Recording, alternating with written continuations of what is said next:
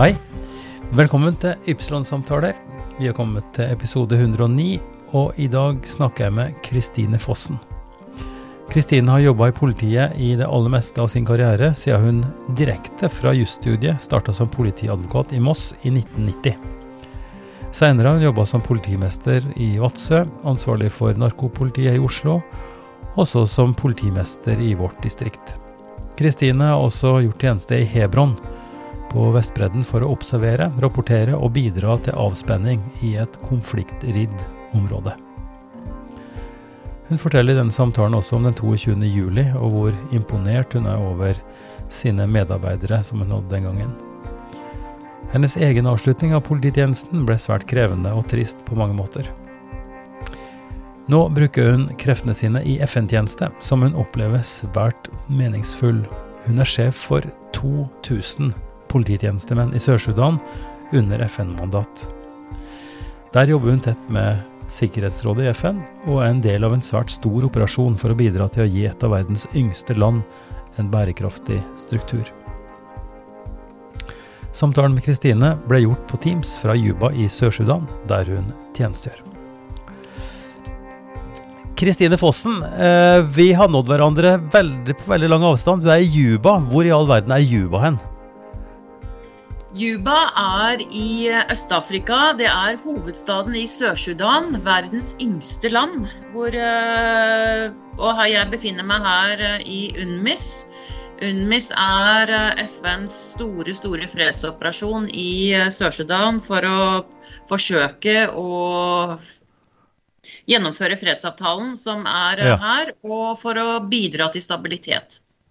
Ja, en svær jobb og masse folk. Du har ansvar for en skokk med politifolk. Hvor mange er det? Det er tusentalls? Ja, jeg er police commissioner her i, i, fredsoperasjonen i UNMIS. UNMIS står for United Nation in Mission in South Sudan. Og ja. jeg har fått jobben som police commissioner, dvs. Si at jeg leder, har ansvaret for alt politipersonell fra nesten 50 eh, land rundt omkring i verden som er her og tjenestegjør for FN. Uh, mm. Men vi, har ca. 2000 politifolk, i underkant av 2000 politi, spredt over hele Sør-Sudan i, i, våre, på våre ja, lokaliteter eller våre field office. Det er mitt ansvar. Og jeg sitter i toppledelsen av operasjonen her, så min sjef er uh, FNs spesialrepresentant for Sør-Sudan. Mm. For sist, eh, sist, jeg prøvde å få tak i deg, eller sist vi kommuniserte, så var du i FN i, i New York. Så betyr det at du også har mye kontakt med, altså med ledelsen og med, med FN-systemet eh, på den måten? Ja da. Jeg har for så vidt to sjefer. Jeg har en sjef her, i, uh, her som er min reelle sjef her i, i, uh, i, i UNMIS, og det er da altså generalsekretærens spesialrepresentant til Sør-Sudan. Um, mm. Vi kaller han bare SRSG. Han, Nicholas Haysem, han er sjefen min her. Uh, men han rapporterer jo direkte til Sikkerhetsrådet. Og, mm. rapport, og, jeg rapporterer til han. Og samtidig så, så har jo jeg altså UN Headquarters, FNs hovedkvarter i New York, de har jo en stor politiavdeling.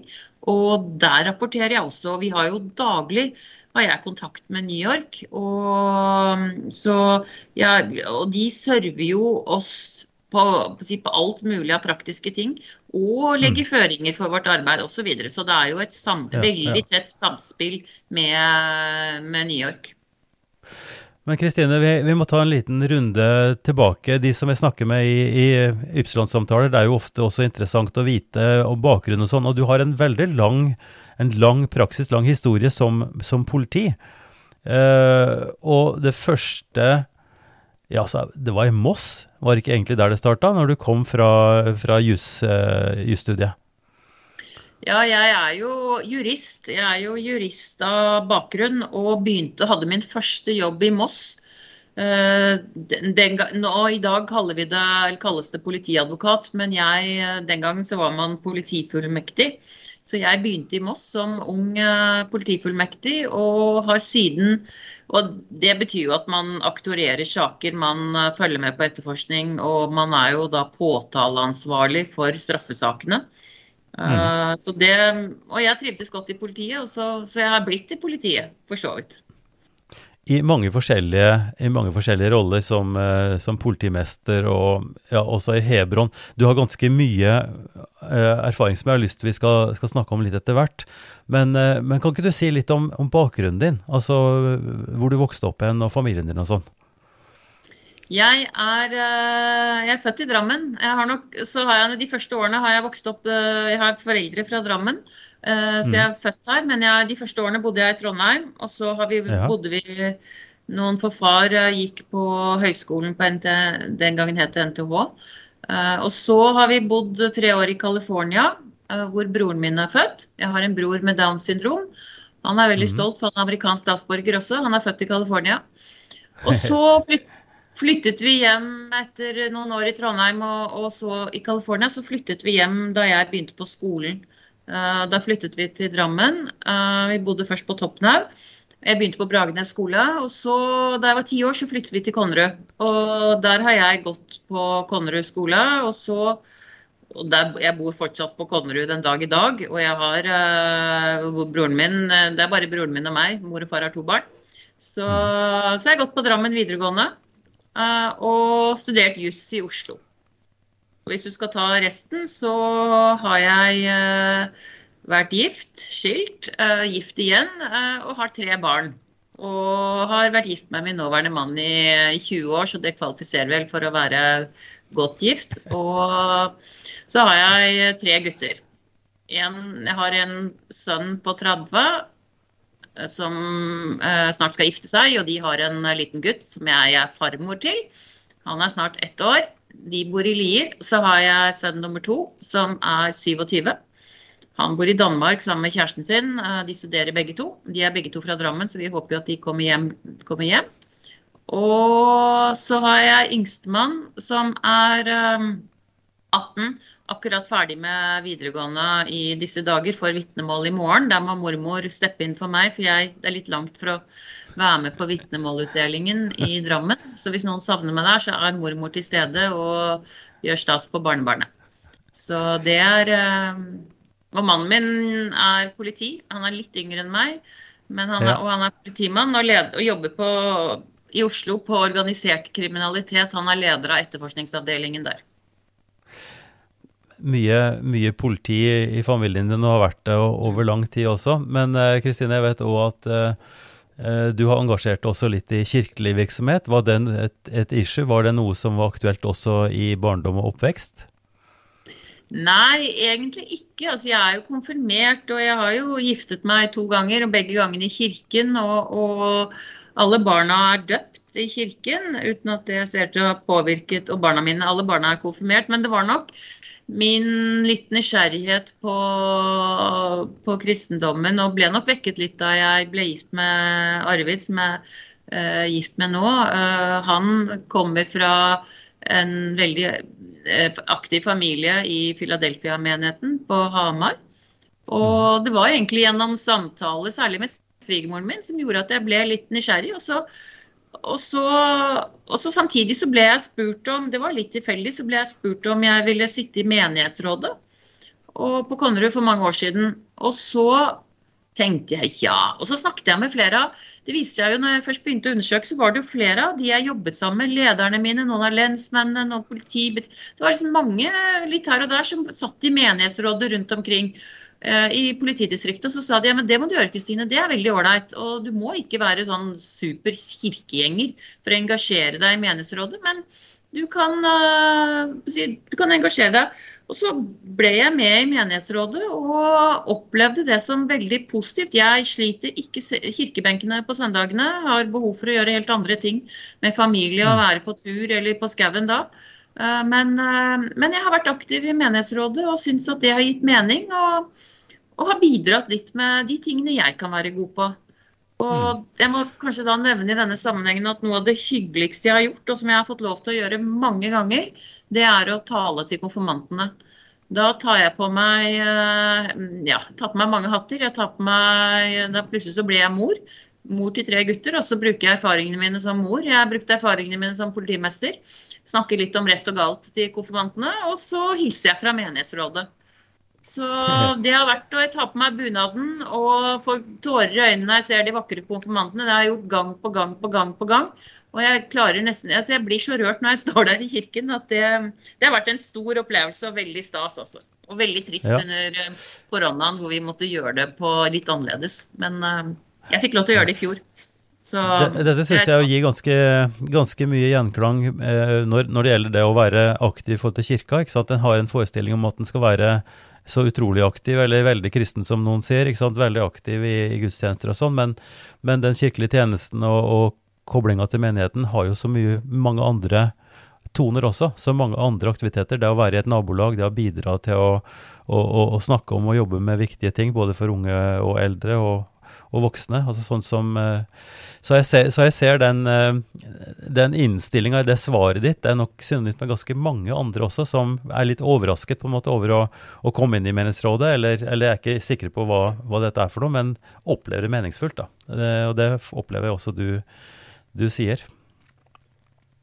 Og så har jeg nok jeg har nok tatt med meg altså I Menighetsrådet så er vi jo en um, herlig blanding av forskjellige mennesker med forskjellig bakgrunn. Og noen av oss har altså Min styrke har jo også vært ledererfaringen min. Det å, ja, det å tørre å ta ordet i forsamlinger. og Jeg er ikke så god på kakebaking, jeg er ikke så god på kaffekoking, men jeg er god til å rydde opp etterpå. Det kan jeg bli med på.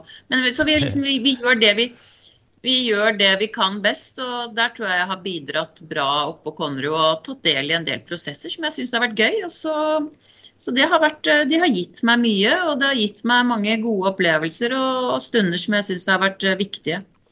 Mm. Og, og jussen og politiarbeidet ditt er også i høy grad eh, for å si det, samfunnsrelevant og, og har med, med, hvordan vi ordner oss og hvordan vi jobber med de som ja, de som eh, pusher grenser, eller altså de som faller utafor på en eller annen måte.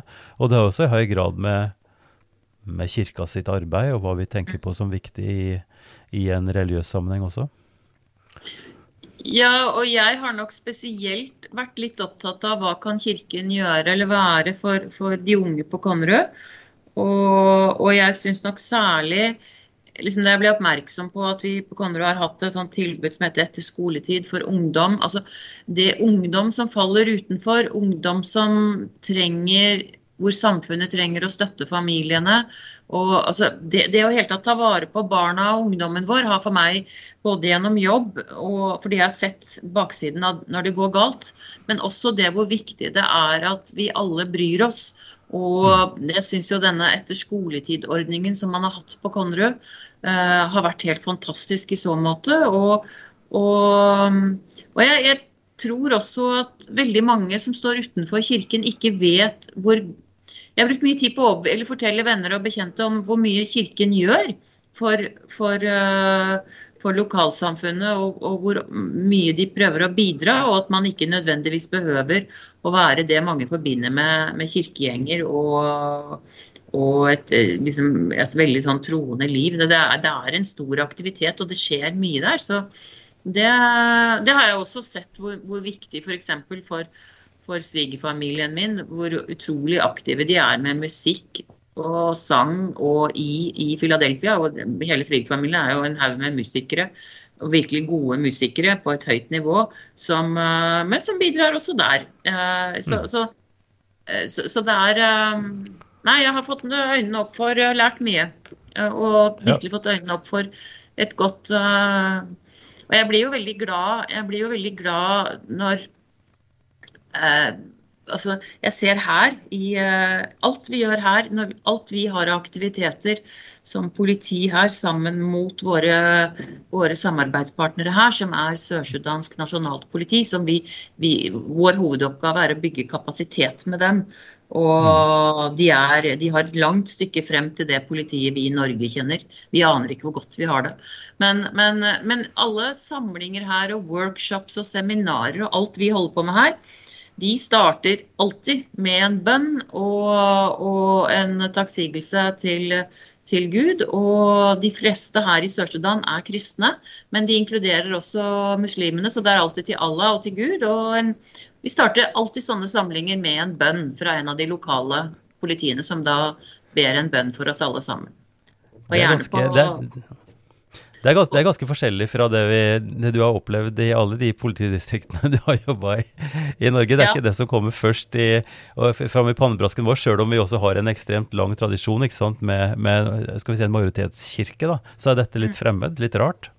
Ja, det er litt uh, uvant, men det er veldig, jeg syns det er veldig fint. Og, det, og så er det jo veldig fint å oppleve den rausheten de har for Altså, de, de de ber både på arabisk og på engelsk, som er hovedspråket her. Men uh, samtidig så inkluderer de Det er både til Gud og til Allah, og, og inkluderer alle. Selv om primært alle er stort sett kristne. er Det en av grunnene til at de, ble, de skilte seg ut fra Sudan, som eh, mm. Nord-Sudan er mer arabisk. Og, mm. og, og muslimsk, mener jeg. Så, mm. så, men, men, det er en veldig, akkurat det er en veldig fin liten ting. Og det er sånn i dette kulturelle, og jeg merker på mine kollegaer her, utrolig mange Jeg får liksom varme blessings og, og May God bless you. og kommer fra kollegaene mine her, de jeg jobber sammen med. De, særlig de afrikanske kollegaene er, har mange et sterkt forhold til Gud og til sin tro og religion. Mm, mm. Og, og, Nei, det, det, er fint, det, er fint, å det er fint at du eh, forteller. Vi har litt for forsinkelser her nå, merker jeg, når vi snakker med hverandre pga. at vi snakker via, via, via, Teams, men det får vi bare leve med. Men, men, det som jeg sier er interessant og fint, det første er jo det som jeg tenker på når du sier Allah og Gud, så er jo Allah Gud. Altså det er jo samme begrepet bare på arabisk, sånn at jeg tror kanskje også at de vil tenke at dette, dette, ikke er noen stor forskjell, det er ikke forskjellige guder det er snakk om. Men, eh, men også det at, at, det er mer naturlig, på en måte. Altså det at, at tro og livssyn, det at en religiøs tro eh, eh, kommer til syne uten at man har noen forlegenhet på det. Altså at det er en, en, en slags eh, ja, et, et felles preg som kanskje også flere av de som kommer til Norge utafra, har med seg eh, i større grad enn det vi er vant til fordi vi, vi, knytter ofte de tinga til kirka, eller på en måte til en veldig privat sfære. Mens, mens sånn som forteller, du forteller det, så er det også at å oppleve det er noe mer skal vi si, åpent og, og hverdagslig ved det. Ja, det er jeg veldig enig. Jeg opplever det akkurat som du sier, at det er veldig sånn hverdagslig og veldig eh, Det er en del av livet deres som de tar med seg inn i, eh, i jobben. og og ikke bare afrikanerne, jeg jobber jo med veldig mange politi fra ulike steder i Afrika, men også Sør-Amerika. Vi har flere brasilianere her som også har et sterkt forhold til sin gud. Og, og hvis ting eh, Hvis de plutselig ja, Folk ønsker jo å være her, og vi ber om forlengelser på deres engasjementer her osv., men så går det ikke. og da er de veldig raske til å si at ja ja, men det er vel kanskje Guds vilje at jeg skal reise hjem nå, da. Så skjer det noe annet neste, i neste sving. Så, så, så, det er for mange, og, og, men det kommer veldig tydelig til syne. Som du sier, du beskriver det egentlig veldig godt. Jeg er veldig enig. Mm, mm, ja, ja. Skal vi ikke ta et uh, skritt tilbake igjen også og tenke på det som skjedde når du dro oppover uh, til Nord-Norge? Uh, og det har jeg lest meg til der, at du, du, gjorde jo på en måte vei i vellinga der også, som ganske, ganske ung politi, og etter hvert politimester. og, og ja, det var vel en del eh, kontakt østover også, som kanskje er aktuelt i dag? Eh, kontakt med, med Russland og russiske kolleger og sånn. Kan ikke du fortelle litt om, om eh, hva du opplevde der oppe? Jo, jeg var jo i Jeg, var, jeg reiste jo opp sammen med eksmannen min, og de to små De barna våre var veldig små. Uh, eksmannen min uh, Vi ble dessverre skilt veldig tidlig, men jeg bestemte meg ganske tidlig for at jeg hadde en veldig morsom jobb. Og vi hadde mm. det veldig bra, barna og jeg, så vi ble boende der. Uh, og, og eksmannen min var jo, også, var, jo også, var jo også, der. Men uh, jeg ble i Vadsø i fem år og var politiinspektør, og, altså dvs. Si nest, nestkommanderende ved politidistriktet. Og så var jeg politimester det siste halvannet året. Og det mm. du kanskje tenker på, som jeg gjorde Jeg har jo aldri likt Jeg har jo aldri vært redd for å ta tak i ting eller følge opp ting eller gjøre ting. Jeg har nok vært litt uredd i mange sammenhenger. Så, så det jeg kanskje ble mest kjent for, var jo at jeg Vi satte litt denne problemstillingen med prostitusjon på, mm. på kartet. Eh, det var jo, og er sikkert fortsatt, men det var et veldig stort utbredt fenomen at russiske prostituerte kom over grensen ved Kirkenes, og så kom de inn til Tana, til Shipagura. en sånn campingplass der, hver helg. Og så var det jo mange av de single mennene som var der og hadde det hyggelig. Og dette ble jo et sosialt problem. Det ble også et problem med, med holdningen til dette med kjøp og salg og sex osv. Det var en ganske vanskelig sak, fordi det var ikke så lett å, å altså, Det var ikke straffbart. Det var, altså, men så var det selvfølgelig på grensen til han som drev campingplassen og hallikvirksomhet osv. Men dette ble jo politisk, så får jo alltid sånne type saker veldig stor oppmerksomhet, og det ble veldig ropt på politiet, og hva kan politiet gjøre, og dette er jo mer et ordensproblem enn det var et strafferettslig problem. Så det, det var mange morsomme eh, diskusjoner, og, og jeg møtte jo tidlig da flere justisministre, og politimesteren sa til meg at ja, Kristine, dette har du stelt i stand, så dette får du, eh, du får, du får reise ned til Oslo. Og jeg husker jeg ble sendt ned til Oslo og møtte justisminister Aure i sin tid. Etter henne så kom Dørum, og Dørum hadde jo en veldig sosial profil på sitt engasjement som justisminister. Så han var jo i Skipagura, vi hadde han på besøk, og vi diskuterte ulike tiltak og hva vi kunne gjøre. Så det var jo Vi fikk jo ryddet litt opp i problemet og fikk satt det på kartet og fikk liksom øh, synliggjort og ofte så roper man jo på politi hvis man skal rydde opp i ting, men det er jo ofte veldig mange andre problemeiere. Kommunen, barnevern, eh, sosialvesen eh, ja, Det var egentlig veldig mange som kunne ta en aksje i dette.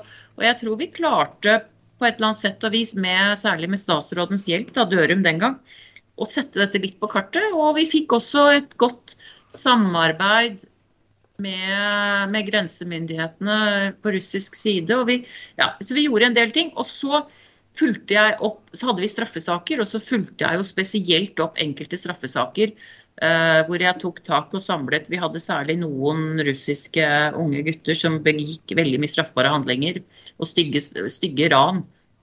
Det fulgte jeg veldig tett opp og, og, ja, og tok litt initiativ. Og, fordi at jeg syns Det var jo sånn litt i gamle dager at hvis et politidistrikt eide én sak, så, så ville man ikke ta over en fra en annen politidistrikt fordi at alle var opptatt av seg og sitt. Jeg tok, oss, tok en stor uh, spade og sa at jeg, vi samler alle sakene her. Og så fikk jeg uh, støtte fra statsadvokat og riksadvokat på det. Og vi, vi, fikk dem gjennom rettssystemet og fikk dømt disse gutta.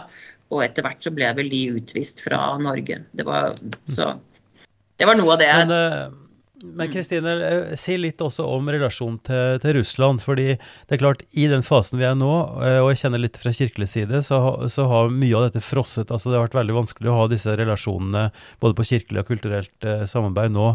Jeg vet ikke om du i din posisjon kan si så mye om det, men du hadde også et samarbeid med russiske myndigheter i, den, i den, den, prosessen som du nå beskrev, ikke sant? Ja, ikke mye. Det var veldig Nei. vanskelig. Og, vi, vi, prøvde Altså, jeg var jo med på de første samtalene med, med, med å, å, samarbeide med russiske myndigheter, men de forhold, med politimyndigheter og justismyndigheter, men de forholdt seg i hvert fall ikke den gangen til uh, ja, menneskerettigheter og, og, de prosessene som vi er vant til å gjøre. Så vi samarbeidet jo utmerket, helt sømløst med Finland og Sverige hvis vi hadde saker som gikk på tvers av våre oppe i nord. Men russerne var vanskelig altså ikke, ikke ja, feil, Det var ikke vanskelig, men det var krevende fordi at de vi har et sett med, vi har straffelov og straffeprosess å forholde oss til. Så, så var, vi hadde jo noen møter med russerne. De trodde jo nesten ikke at jeg kunne være sjef som var dame osv. Så, videre, så det var, det var en kulturell, veldig morsom opplevelse. Men det var nok det som etter hvert altså, jeg tror ikke vi skal være naive, men, men vi, vi, vi, klarte i hvert fall å åpne døren til et visst samarbeid med politimyndighetene i, i, i Russland med Justisdepartementets støtte og Riksadvokatens støtte. Og, og, det var liksom første byggestein. Så har man jo nå Dette er jo 25 år siden. Og jeg vet jo at politimesteren i, i Finnmark, Ellen Katrine Hetta, har jo Nå er det jo litt på is, men det er klart man må jo Man har en felles grense, og man har mennesker som reiser frem og tilbake hele tiden. Så en viss grad av samarbeid må man ha. Men uh, vi Ja. Det var jo en problemstilling at vi tok jo mange russere på overtredelser, og, og vi bøtela dem som vi ville gjort med nordmenn. Men uh, de fant jo fort ut at det var mye bedre å bare si de ikke hadde penger. og så Da fikk de lov til å sone bøtene i Vadsø kretsfengsel. Og det var jo, eh, Der fikk de både dagpenger og hadde solarium. Og, så vi skjønte fort at det var ikke noe effektivt og ikke noe preventivt. Så det vi gjorde var å ransake dem og se hvis de hadde 35 kroner i lomma eller 140 kroner, så skrev jeg et forelegg på 140 kroner. Og så fattet vi et vedtak på utvisning, og så sendte vi dem ut. Så det, det er jo om å gjøre å være litt praktisk. Eh, fordi det kostet jo Norge mye mer å ha dem i fengsel. Et, eh, de er vanlige satsene vi så, Men det var en praktisk måte å gjøre det på på 90-tallet. Dette var eh, på 90 slutten av 90-tallet. Ja. Eh, men du satte nesa sørover, på tross av at eh, du skriver jo, har sett eh, steder, at dette var en periode med altså du, Det var et, et flott område, eh, godt å være der, trivelige folk, alt mulig sånt noe. Men så kom det en ny fase, og da dro du til Oslo. og tok tak i også et veldig svært, svær utfordring, det med narkotikakriminalitet. Eh, og hadde ansvar for det i en periode? Ja, da dro jeg til Oslo, og vi flyttet tilbake til Drammen. Eh, barna og jeg flyttet eh, tett opp til moren og faren min på Konnerud, så vi hadde støtte derfra. Og så jobbet jeg i Oslo. Der møtte jeg jo for øvrig også mannen min, som jeg er gift med i dag. Og der jobbet jeg i to år på det som den gang het narkotikaseksjonen. Mm. og det var altså, Jeg jobbet jo med store, store kompliserte narkotikasaker og samarbeid internasjonalt. Og så jobbet vi jo mye med Det var jo den gangen på full fart inn med partydop og med disse store rave-festene osv. Og med ungdom. Så vi jobbet jo mye ut mot ungdom og, og prøvde å adressere disse problemstillingene. Ikke minst få foreldre til å våkne lite grann og se hva ungdommen holdt på med. Jeg var jo med masse ut på på kveld og natt på disse store partyene og så hvordan politiet jobbet med det de kaller tegn og symptomer.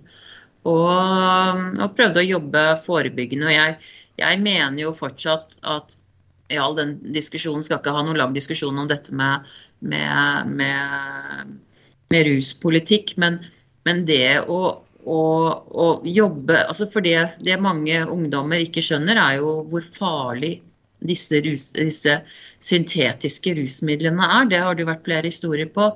Uh, og hvor farlig det er å kaste seg altså, hvor farlig det er å kaste seg inn i dette med å bruke rusmidler på den måten. Så vi, har jo aldri, vi jobbet jo aldri for å straffe dem for å, altså for å straffe dem, men poenget vårt med å jobbe ut mot ungdom på den måten var jo rett og slett å gjøre dem oppmerksom på at dette, dette er for det første ulovlig, og så er det jo forferdelig farlig. Mm. Og, disse, og, disse, små pillene som ser så uskyldige ut, er jo rett og slett livsfarlig. Og, så, så det, men, eh, men det, var, det, var, en spennende periode. Det var gøy. Ja, gøy og dramatisk også. Det har jo ikke minka noe. Det virker jo at folk kjøper ting på postordre, og det er stor innførsel av mye, altså særlig syntetisk, som du sier, syntetiske ting, mm -hmm. som som er veld, veldig dramatiske. Men eh, snakk om dramatikk, da. Du, du, fikk jo også mye av det når du kom til, til, til oss igjen, eller som politisjef her i, i distriktet rundt Drammen. Og, og eh, noe av det som, som kanskje eh, kanskje sitter igjen, eller som er den store historien både, både for samfunnet og sikkert for politiet og for, for, mange familier, nettopp det som skjedde med terroren. Eh, i 2011 og, og, alt rundt det. Jeg husker du var eh, I forbindelse med det, en, en, liten periode etterpå, så var det en prestesamling oppå eh, Vi var på Sundvolden, tror jeg, eh, og snakka også med, med, han eh, hotellsjefen der, og du var også til stede for å snakke noe om, om eh, deres arbeid. Men, men, men det Altså sitte, sitte som eh, skal vi si, ansvarlig politisjef da når noe sånt skjer, kan ikke, du, kan ikke, du, bare si litt om hvordan det var for deg? Jo, det kan jeg gjøre. Men jeg ikke, det er kanskje viktig å minne om at jeg var jo ikke politimester i Nordre Buskerud da. Det var det Sissel Hammer som var. Men vi ble jo veldig dypt involvert fra, Drammen, altså fra Søndre Buskerud, hvor jeg var politimester. Ja. Fordi eh, halvparten av telefonene fra Utøya med et visst type abonnement gikk rett til vår operasjonssentral. Ja. Og vi eh, Vi var jo et mye større distrikt med større kapasitet enn eh, en Nordre på Hønefoss. Så, så, vi hadde jo større kapasitet og større evne til å reagere raskt. Og jeg, jeg, tror for vår del, for Søndre Buskerud, så er jeg fortsatt en dag i dag, på tross av alt det triste som skjedde, veldig stolt av den innsatsen våre folk gjorde. Vi hadde en utrolig erfaren, klok, flink fyr, Håkon Grøtland, på operasjonssentralen den natten. Og han klarte snakke med ungdommene som ringte inn, og han hørte skudd. Han klarte å ja, rekvirere folk ut og sendte dem opp til Hønefoss og snakke med og få inn ekstra folk. og vi så vi klarte Jeg nesten grøsser på ryggen bare jeg snakker om det, fordi det var en sånn ja, ja. håndtering fra vår side som Alexandra Beck gjør. Vi sa til meg etterpå så at uh, det var veldig det var, altså, det var, så mye som gikk galt, men det var mye som gikk bra. Og akkurat det ja. vi gjorde, var bra. Men selvfølgelig, det er vanskelig å snakke om i ettertid når resultatet ble så grusomt. Så ufattelig grusomt som det ble.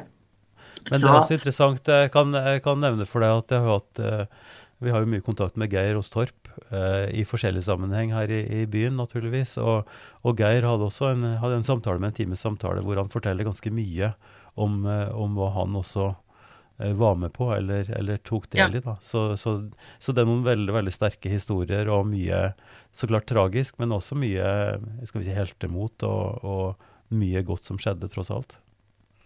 Ja, og jeg, altså den innsatsen Geir Ostorp, Arne Guddal og mange av disse profilerte politifolkene Uh, Pål Erling Lundbekk. Altså mange av de, den, mye av den innsatsen disse operative mannskapene gjorde den kvelden, natta, var helt uvurderlig. Og det er jo litt som vår innsatsleder eh, Pål Erling Lundbekk sa etterpå, det er noe vi hadde flaks. Altså vi hadde flaks, for vi hadde, de, vi hadde gode folk på jobb. og folk som og, og, og Håkon Grøtland, jeg kan ikke få rost han nok på den, altså hva han gjorde. For det er jo noe med å ha hodet kaldt og hjertet varmt og tenke operativt og ta beslutningene fort og raskt. Og ja, i det hele tatt, det var uh, mye som gikk galt, men vi klarte, og jeg tror det Geir og Arne gjorde, og jeg vi har snakket om det ofte. Og, det, og jeg tror nok for, for, dem så ble jeg også dette Det var veldig vanskelig, syns jeg, som sjef. å måtte ivareta mine folk, samtidig som offentlig kritikken haglet mot selvfølgelig politiet. og og, og etter hvert så kom rapporten, og politidirektøren måtte gå. Og, vi, og hele den der hele den prosessen var veldig altså, Du måtte jo stå i den, men du så samtidig det behovet våre folk eh, hadde eh, for, å, for, å, bli sett og, og, for å bli verdsatt for den jobben de hadde gjort. Og så har jeg lyst til å trekke frem et annet kjent Drammensnavn. Det er jo Dag Ebbestad. som var, mhm. eh, Han var eh, ordenssjef eh, den gangen. Og hva han gjorde og hva han insisterte på vi skulle gjøre av oppfølging, HMS-tiltak. Eh, han sto personlig i, eh, i garasjen når eh, mannskapene våre kom hjem fra, fra, Utøya. Og han sa alle må innom her, uansett hvor du bor eller hva du skal. Du skal innom her hos meg først. Og jeg husker jeg sto der. Jeg var, jeg var til stede på en av disse da noen av de kom hjem en, to, en dag etterpå og sto der i garasjen sammen med han. Og det også Dag gjorde, og med sine folk, det å følge opp folk etterpå, det, det å legge litt hjerte inn i den menneskelige omsorgen, det var helt uvurderlig. Altså. Og det er jeg, som politimester, så er jeg så ufattelig stolt av at jeg, jeg tror jeg har etterlatt meg et fotavtrykk i Søndre Busker på at vi bryr oss om medarbeiderne våre. Vi bryr oss om folka våre. Det er det viktigste du som leder kan gjøre. Det er å sende det signalet nedover og sørge for at vi bryr oss om hverandre og tar vare på hverandre. For det, det, er, det står i alle planene våre, og det står i HMS-tiltakene, og vi har eh, rundskriv og retningslinjer og alt. Men det hjelper jo ikke å gjøre det hvis du ikke legger inn litt av hjertet ditt. Og det gjorde Dag det gjorde, altså, det gjorde veldig mange, ikke bare Dag, men veldig mange. Men Dag var ansvarlig og sa til meg at Kristine, sånn gjør vi det. Så sa jeg ja, da gjør vi det sånn. Og så, mm. så Det med oppfølging, det tror jeg også Søndre Buskerud tror jeg mange vil nikke på hodet som jobbet uh, den gangen i politiet. Si at der, der, der var vi gode, og takket være gode, gode enkeltmennesker som spredte sin omsorg rundt til alle. Jeg har også, jeg må nevne det da, for de som hører på, at jeg har også en samtale med Dag Ebbestad i, i denne serien, som, eh, som, er interessant, også i, i, den sammenheng du nevner nå. Men uh, dette var jo et resultat av en, uh, terrorhandling. En, en, utrolig brutal en. Og, og, det var veldig mye skal vi si, folkelig respons også, med rosetog. Og, altså det var mye varme og mye engasjement som kom. Og så ser vi jo i forlengelsen av dette, og nå i årene etterpå også, at det er utrolig eh, å se hvor, hvor, mange som går i den skal vi si, fella, eller den retorikken som handler om, om eh, skal vi si, angst, altså fremmedfrykt, eh, høyreekstremisme og disse variantene. Hvordan, hvordan, så du og ser du på, på å, å, møte det på en fornuftig måte? Dette handler også om å snakke med folk, eller anerkjenne bredde, men også kontre det som da er uakseptabelt? Jeg tror det altså, Mye av det du snakker om, handler jo også om uh, ytringsfrihet og, og det ja. å få lov til å ha meninger på tvers. Og det er jo en vanskelig balansegang. Jeg uh, vi har jo hatt noen diskusjoner internt i, da jeg var politimester, og jeg følger jo diskusjonene som er nå med, med hatefulle ytringer og hva gjør vi når de brenner Koranen ja. osv. Og, det er en vanskelig balansegang. Og, og jeg syns det er interessant hvis jeg trekker uh, sammenligning til hvor jeg bor nå, hvor, uh, eller hvor jeg, altså hvor jeg, jobber nå, hvor, hvor, det ikke er lov å ytre seg, hvor, hvor journalister ikke uh, får lov til å skrive akkurat hva de vil. Eller du, jeg får som jeg får selv som FN-ansatt her, så får ikke jeg lov til å ta bilder ute i, i samfunnet. så det er um, det, så Jeg tror den balansegangen vi har i, i Norge er viktig. Og det at vi, vi må tørre og vi må møte ubehagelige ytringer med, med, med fasthet og med, med, dialog. Men selvfølgelig så er det noen grenser av og til. Så må man mm. sette foten ned, og det er vanskelig. Men jeg har jo veldig tro på mye av det jeg vet at dere på fjellet har gjort, og det mange andre altså jobber med, er intenst å skape forståelse og dialog for, for hverandre. Og, og, kanskje Jeg hørte en eller annen podkast eller leste et eller annet sted uh, i forbindelse med disse tingene som skjedde i Sverige, eller disse Nei, det var kanskje en norsk politimann. Ja, tror en eller annen sånn litt, demonstrasjon som gikk litt ut av kontroll uh, nå i Norge, tror jeg. Hvor en politimann sa kanskje neste gang man skal bare møte dem med taushet. Altså det å for hvis den ene siden angriper den andre på grunn, fordi pga. ytringene, så ender det jo med noe vi ikke liker. Og kanskje vi, vi er tross alt et sivilisert samfunn. At jeg tror det å møte mange av disse grusomme, hatefulle ytringene med taushet, og ikke la dem få oppmerksomhet, er kanskje det viktigste. For det å møte det, dem voldelige ja, ja. Altså det, det, har vi jo, eh, skal vi si utforska på den harde måten her i Drammen også, i møte med Sian, som er jo en av de grupperingene som insisterer på sin eh, ytringsfrihet, og som de naturligvis har, men som fører da i neste omgang til motreaksjoner og, og ting fra folk som, eh, ja, som blir krenka, som blir sinte. Eh, og den 14. mai hadde vi jo en runde på det her i, i Drammen som faktisk som faktisk ble veldig interessant, i det at, at et bredt engasjement i mange grupperinger var med på å å, å, å, prate med folk og legge til rette for at de slapp å bli utsatt for dette her. Altså at de ikke, ikke var der. Så, sånn sett var jo det et eksempel på denne tausheten som din kollega uh, snakker om. Altså at vi, at vi da klarer Vi har prøvd å stå med ryggen til. Vi har prøvd forskjellige ting, men det, er ikke, det der er ikke enkelt. Um, vi skal gå videre, tenker jeg nå, til, til, til noen andre Eh, store områder. Det ene er jo, som vi nesten må innom, eh, det her med lederskapets problematikk. Altså når du leder en stor organisasjon og, og det blir eh, problemer. Og det har du også opplevd, Kristine. Eh, Å få dette veldig tett på, og med, med konsekvenser som gjorde at du også valgte da å å trekke deg eh, etter hvert. Jeg vet ikke hvor mye du vil si om det, men det kan heller ikke ha vært veldig enkelt. altså I en, en lang karriere som, som politileder og, og, med mange gode medarbeidere som du nå har snakka om. Eh, ja. Jeg vet ikke, Er dette noe som du syns er Det er ikke morsomt å snakke om det, men, men det er jo en erfaring også som eh, en tar med seg, og som en kan bruke til noe? Ja, absolutt. Det, jeg er litt usikker på hvor mye jeg kan bruke den erfaringen til noe fornuftig. For det var bare grusomt vondt. Og det hadde ja. det, ja, helsemessig altså ble, Jeg sto i et voldsomt press. Men, men jeg syns jo det er interessant å se derfor, Jeg har jo vært av de som har blitt varslet på. Og mm. hvor lite Jeg må si at jeg av og til Jeg kan jo ikke gjøre det pga. den jobben jeg har hatt og av hensyn til varsler osv. Men, men det er jo veldig lite altså, vi har nok veldig lett for å si at ja, men det, hvis, du varsler, hvis, du først varsler, så, så har du jo rett i alt det du sier.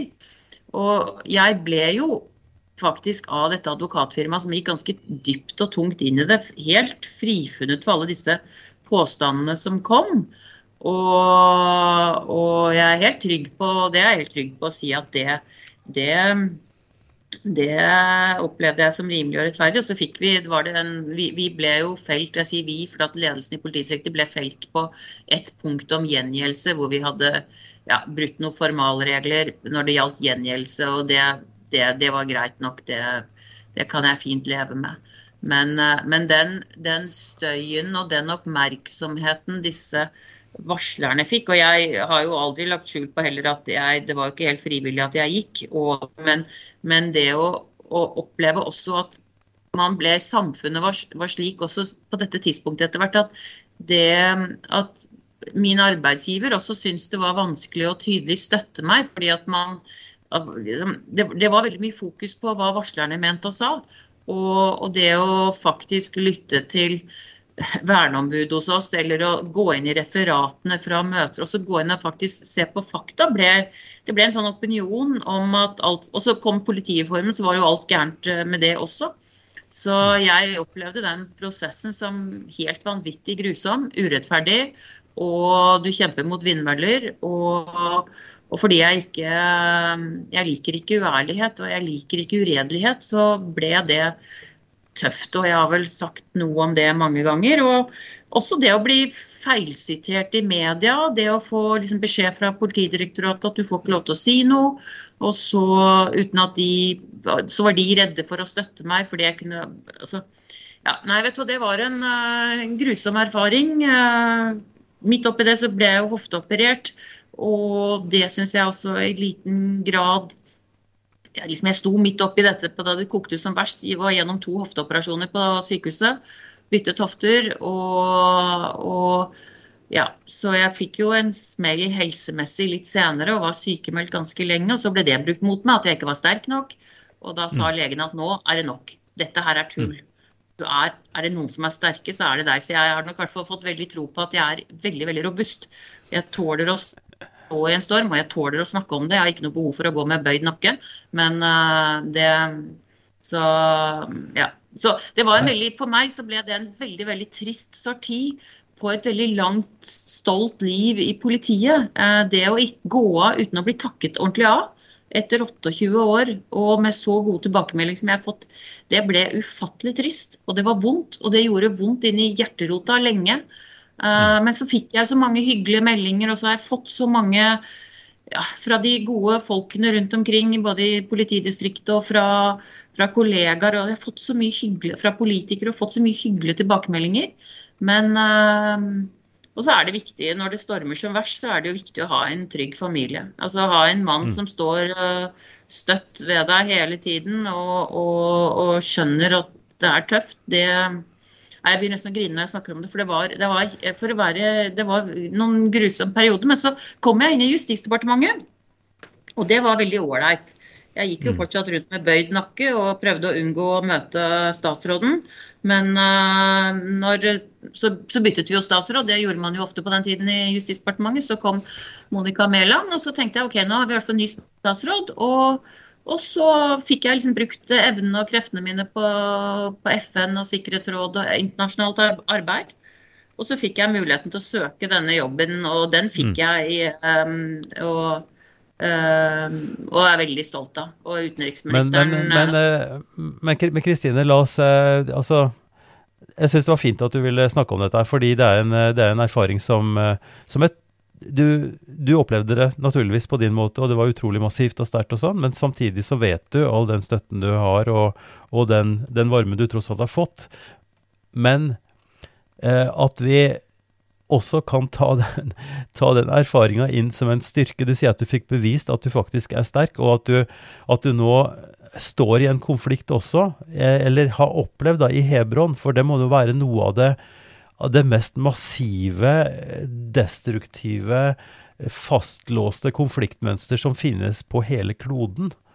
Eh, den som har vært på Vestbredden og har sett hvor fastfrosset og hvor utrolig steile frontene er mellom eh, de som kommer der som eh, nybyggere, de som flytter inn der og tar over med nettinger over gater, slik at folk ikke skal få at, at, folk ikke skal få stein i huet. Altså, det må du nesten si noe om. og der, altså, Det må jo være en slags kapital å ta med seg. At du virkelig har stått i det og opplevd hvor hvor vondt det der er. Altså, fordi man vet at man blir urettferdig behandla, og det er sånn fra begge sider.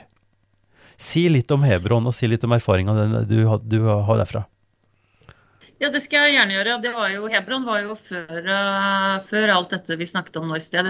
Hebron var jo i 2013-2014. Men uansett, jeg var nå der i halvannet år, og det var jo en bratt uh, læringskurve.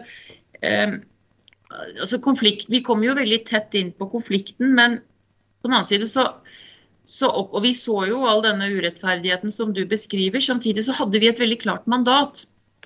Og det var to observe and report på, på brudd på folkeretten, internasjonale menneskerettigheter og på Oslo-avtalen. Og, mm.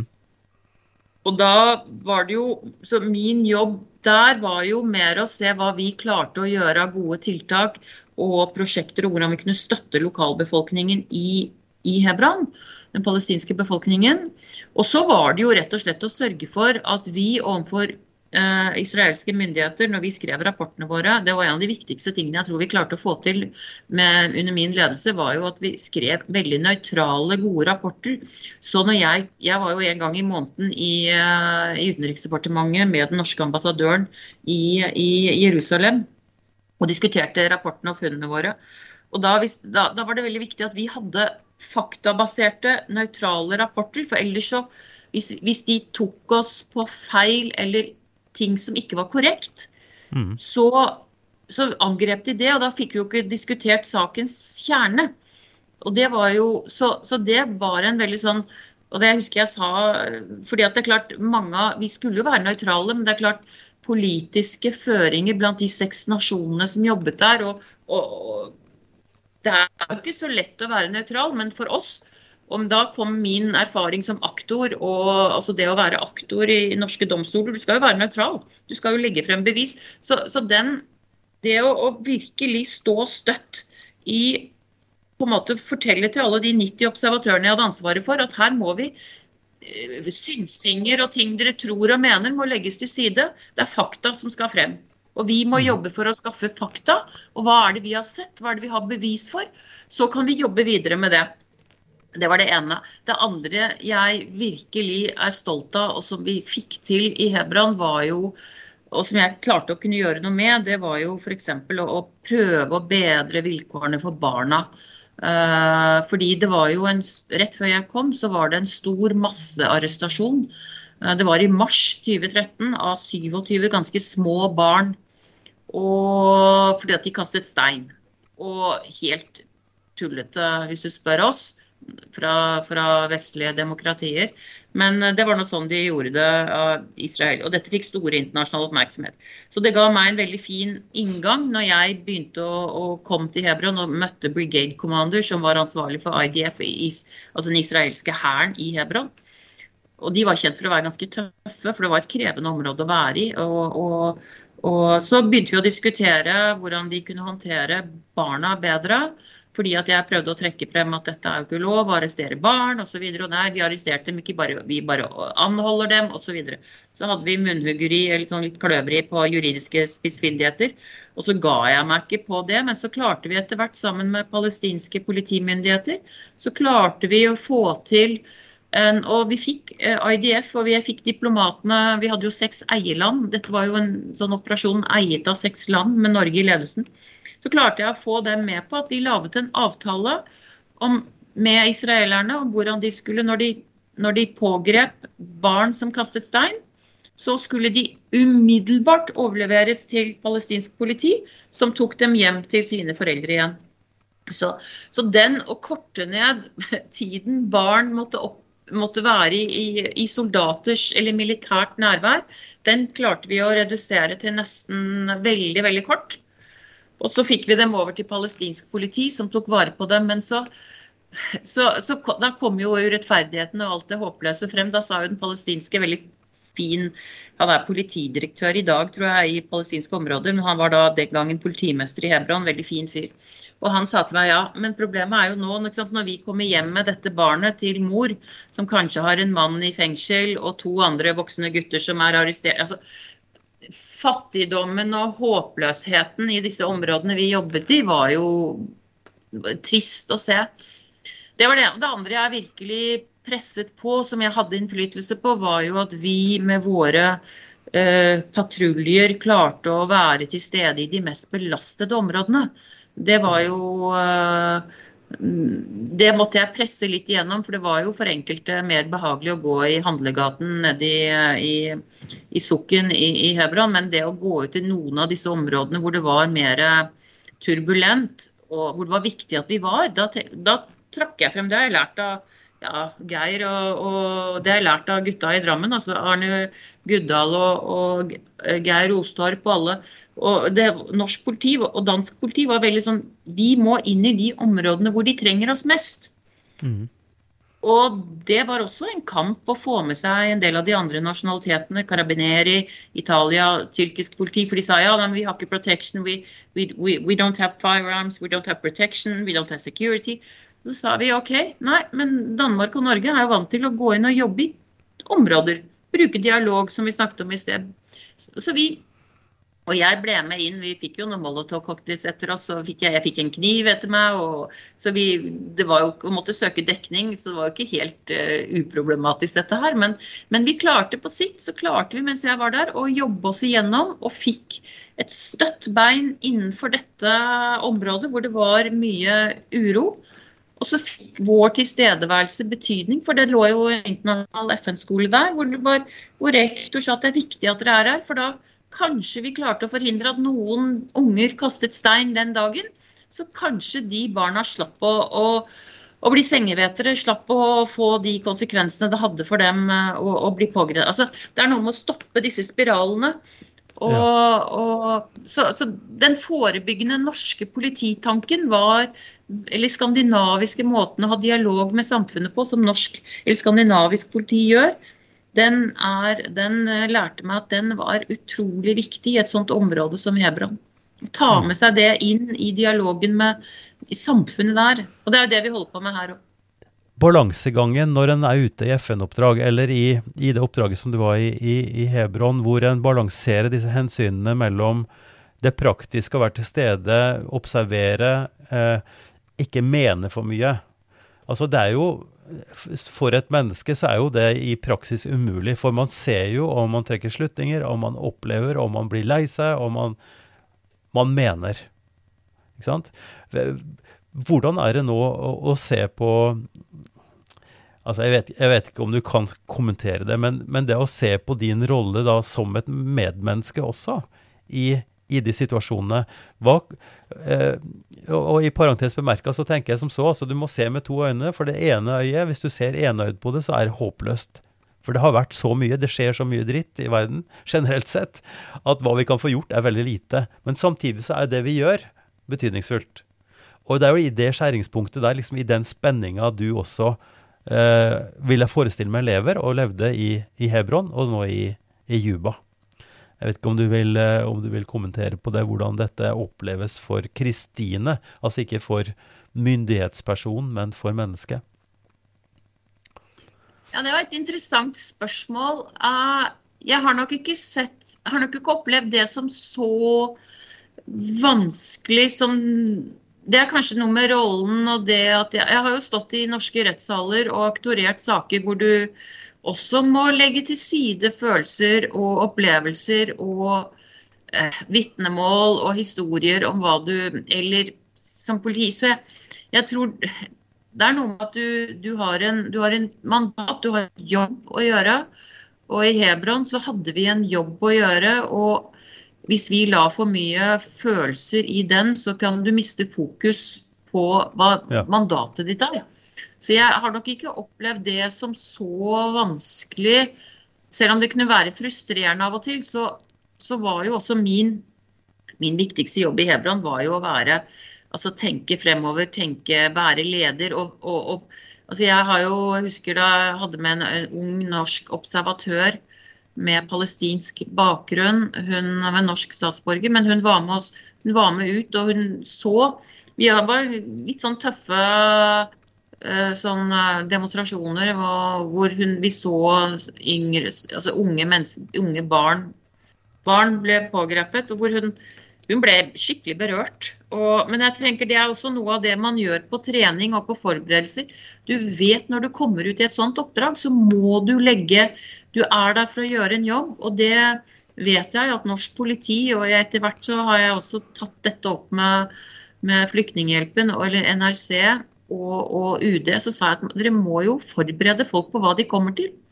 Du kan ikke være naiv og tro at du kan ta med deg hjertet ditt. Altså Du må ha med deg hjertet ditt, men du må også evne å stå i det du står i. Fordi du, du reiser til et konfliktområde som Hebron, og da må du tenke at jeg er her for å gjøre en jobb. Og så må du ha med deg altså et ekstra smil, et ekstra samtale. Det å snakke med de lokale palestinske damene som solgte varer, kjøpe litt ekstra av dem. Altså, du kan gjøre masse sånne ting. Samtidig så kan du være sjefen og, og holde fast i oppdraget ditt. Mm. Og fordi og et så politisk oppdrag som det å være Der var jo Vi måtte jo balansere hele tiden, for vi visste jo og den ene eller andre parten, både palestinerne og israelerne, var jo fulgte med i alt vi sa og gjorde og møtte. Og, så det, du måtte liksom balansere veldig godt. Så jeg har ofte sagt etterpå at jeg lærte jo utrolig mye. Ja, både, og jeg skulle forholde meg til seks lands ambassader, diplomater, mm. som mente i mm. hvert fall noe om alt vi gjorde.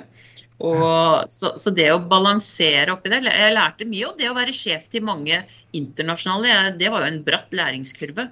Det var jo veldig forskjell på norsk, svensk, eh, dansk politi, karabineri, tysk, tyrkisk politi, sivile fra Sveits, eh, sivile fra Norge med bakgrunn fra Midtøsten, fra Sverige, fra Danmark. Eh, ja, det var jo et, eh, et, mangfold, pluss lokalt mm. ansatte, så det var jo en, en uh, Ja, jeg må si jeg lærte veldig mye om Du kan ikke ta med deg alle de norske prinsippene dine om, uh, om å være leder på en sånt oppdrag. Og det igjen, det ser jeg jo veldig godt her. Mm. Ja, si litt om det. Altså, Hva er forskjellen? Eh, og eh, kanskje til og med litt om dagliglivet ditt. Altså Hvordan det er å, å leve i, i Juba i den jobben du har? Ja, øh, den jobben jeg har nå, er jo Nå er jeg jo primært Altså, jeg sitter i toppledelsen av selve UNMIS. UNMIS er over 20 000. Altså, vi er en kjempestor organisasjon. Pluss at alt som ellers kan krype og gå av NGO-er og FN-institutt Alt er jo her i Sør-Sudan. Altså, alle er jo her. Så mm. FN har jo et stort fotavtrykk i dette landet, pluss da UNMIS. Uh, så i denne store operasjonen så er vi ca. 20 000. Det er ca. 16 000 militære. Uh, så en av, mine, altså en av, mine, kollegaer er jo sjef for alt militært personell her i uh, UNMIS. og jeg er sjefen for alt politi. Vi er ca. 2000, i underkant av 2000. Og så er det en del sivile, altså menneskerett, folkerettsjurister, sivile som jobber med, ja, som jobber med, å, med government og med å få prøve å få til uh, ting og få orden i samfunnet her, da, eller hjelpe myndighetene til å få et samfunn til å fungere. For det er jo ingenting på plass her. Det er jo ikke en rettskjede som fungerer. Det er jo ikke fengsler som fungerer ordentlig. Det er jo ikke domstoler og politi. De har jo ikke noe opplæring. Politiet er stort sett folk som kommer fra Hæren, som bare har byttet uniform. Det er jo ikke alle som får uniform, det er ikke alle som får lønn. Og dette er jo Midt oppi dette så er dette verdens mest korrupte land. Så korrupsjonen er jo fryktelig utbredt. Så det er jo krevende sånn sett. Min jobb er jo stort sett å være sjef og sørge for at vi gjør det vi kan. Vi har et veldig, har et veldig klart mandat fra FNs sikkerhetsråd, og det må vi forholde oss til. Og det er på de vilkårene vi er her. Og vi, skal, vi, er ikke politi her. Vi kan ikke gripe inn og gjøre ting bortsett fra én Vi har én flyktningleir igjen nord i landet som vi har ansvaret for. Men ellers er jo Og der er mine politifolk er, er ansvarlig for sikkerheten i den flyktningleiren. Men ellers så har myndighetene de siste årene tatt over ansvaret for de andre store flyktningleirene her. Og det fungerer sånn passe.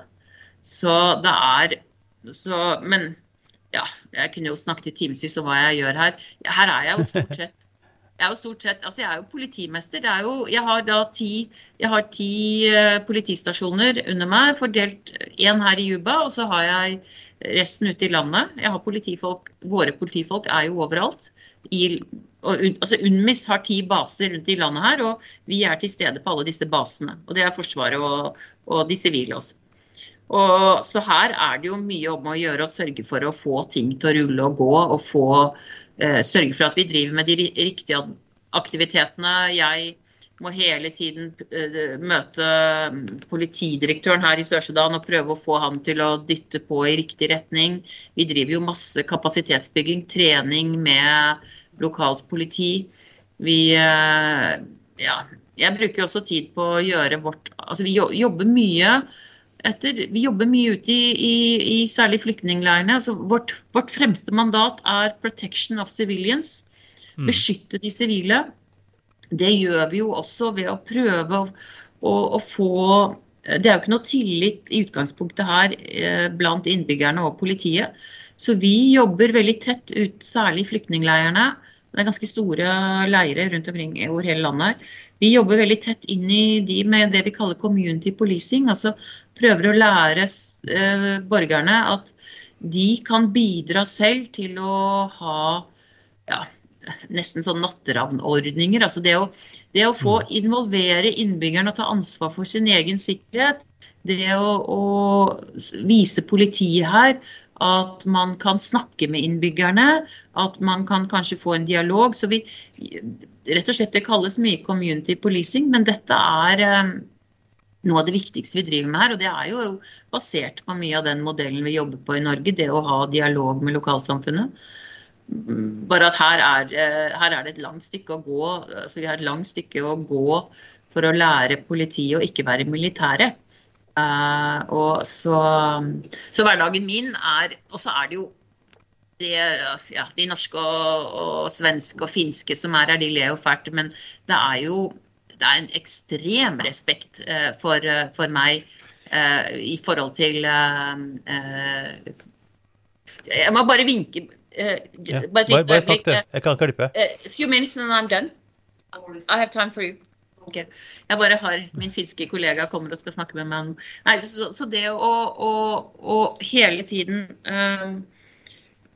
altså, De bukker og neier når jeg kommer. og jeg, det, Nå prøver jeg å få folk når jeg kommer inn på et kontor til å si bare sitt, sitt det er greit. Men kom, mange her kommer jo fra asiatiske kulturer, eh, afrikanske kulturer. De har enorm respekt for sjefen. Så bare det å få, prøve å få jobbe med ledergruppen min til å få ærlige tilbakemeldinger, få, ja. så, vi, så det er mye å få ting til å rulle og gå. Mm. Og så er jeg jo en veldig Der kommer min erfaring og min trygghet og at jeg er, eh, som jeg sier, jeg er 60 år og grått hår og bestemor. Jeg, jeg, jeg er trygg på meg selv, nå, og jeg får veldig støtte av sjefen min her, at jeg jobber på tvers i organisasjonen. Vi er eh, Min rolle er veldig mye å sørge for at vi fra UNPOL, som vi heter, eh, United Nation Police, så at UNPOL, at mine folk jobber tett med human rights-menneskene, at vi jobber tett med rule of law, juristene. Så vi, vi, vi må alle trekke i samme retning når vi driver trening, workshops, besøker fengsler, bes jobber med påtalemyndigheten, jobber med politiets etterforskning. Altså, alt dette må gå hånd i hånd. Og, og, der er jo jeg med min bakgrunn både fra norsk politi og som jurist og ja, det, det, at vi står er, Du kan ikke bare tenke politi, politi, du må jobbe på tvers, også internt. Det har jeg fått mye tilbakemeldinger på at, eh, at eh, som sjefen min sa forleden dag Wow, Christine, it seems like everybody wants to work with the police now. Because jeg melder meg på, og jeg tar tak i ting, og jeg følger opp. Og, ja, men se, da kan vi gjøre sånn. sånn. Da, bare det å, å, sørge for korte rapporteringslinjer når det gjelder sexual gender-based violence, altså mm. Eh, mm. seksualisert vold, som er et stort problem her, og en utbredt problemstilling for kvinner. Det å, å snakke om det, få korte rapporteringslinjer, hva gjør vi med det? Ikke bare lage masse I FN er man veldig glad i å skrive, mens jeg sier nei, nei, vi kan prøve å gjøre noe action. Så jeg har fått noen gode venner her. De sier nei, we'll make some action. Og sjefen vår, han vil ha action. Og at han ønsker, at, han, han ønsker å rapportere tilbake til Sikkerhetsrådet, som han gjør hver tredje måned. Neste uke, faktisk. Han ønsker å rapportere på aktivitetene våre og hva vi får til. Men det er et langt lerret å bleke her. Men, Men du Kristine, det virker som du har det, du har det veldig spennende. Det virker som du har en morsom jobb.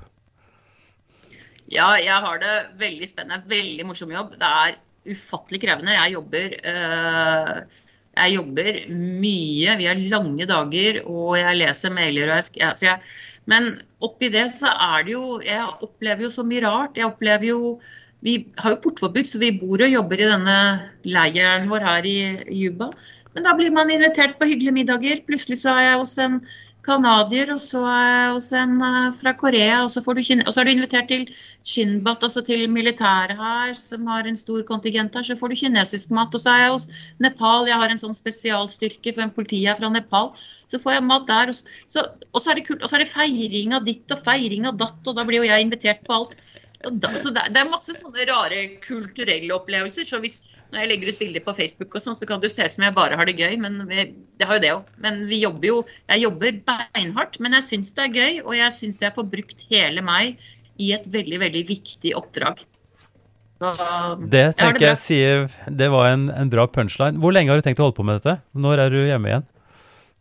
Ja, det, jeg har kontrakt uh, ett år av gangen, så jeg blir nok hvert fall kontrakt min går ut i november, og jeg tror nok at jeg får lov til å bli her et år til. For jeg tror jeg, en, jeg, tror jeg har fått gode tilbakemeldinger så langt. Men du vet nå aldri. Men jeg eh, i hvert fall et år til. Og jeg har jo eh, jeg har, jeg lite, jeg har sett veldig lite, men veldig hyggelig hus. Og jeg blir passet veldig godt på. Jeg er jo, er jo sjåfør og er very, very uh, VIP. Og alltid å bli invitert til ambassaden, og det er jo så, og har det veldig Og dyrker masse krydderurter ute i haven min. Og, så må jo prøve å gjøre det beste ut av livet når du først er her. Tusen takk for tida di, Kristine, og lykke til med alt det svære du holder på med. Tusen, tusen takk, og tusen takk for praten. Vi er nå godt inne i vår tredje sesong av Ypsilon-samtaler. Siden starten i januar 2020. Samtalene de går videre. Nå, også etter at uh, undertegnede Ivar Flaten har blitt pensjonist, så fortsetter jeg å produsere disse samtalene for Kirkelig dialogsenter i Drammen. Podkasten støttes av Barne- og familiedepartementet, av Einar Juels legat, og ikke minst fra Drammen kommune gjennom uh, IMDi-midler. Du kan uh, lytte til andre episoder og se oversiktene hvis du går til www.ypsilonsamtaler.no. Skriv også gjerne en e-post, og da kan du bruke eh, adressen ivar krøllalfa ifd.no. Vi høres.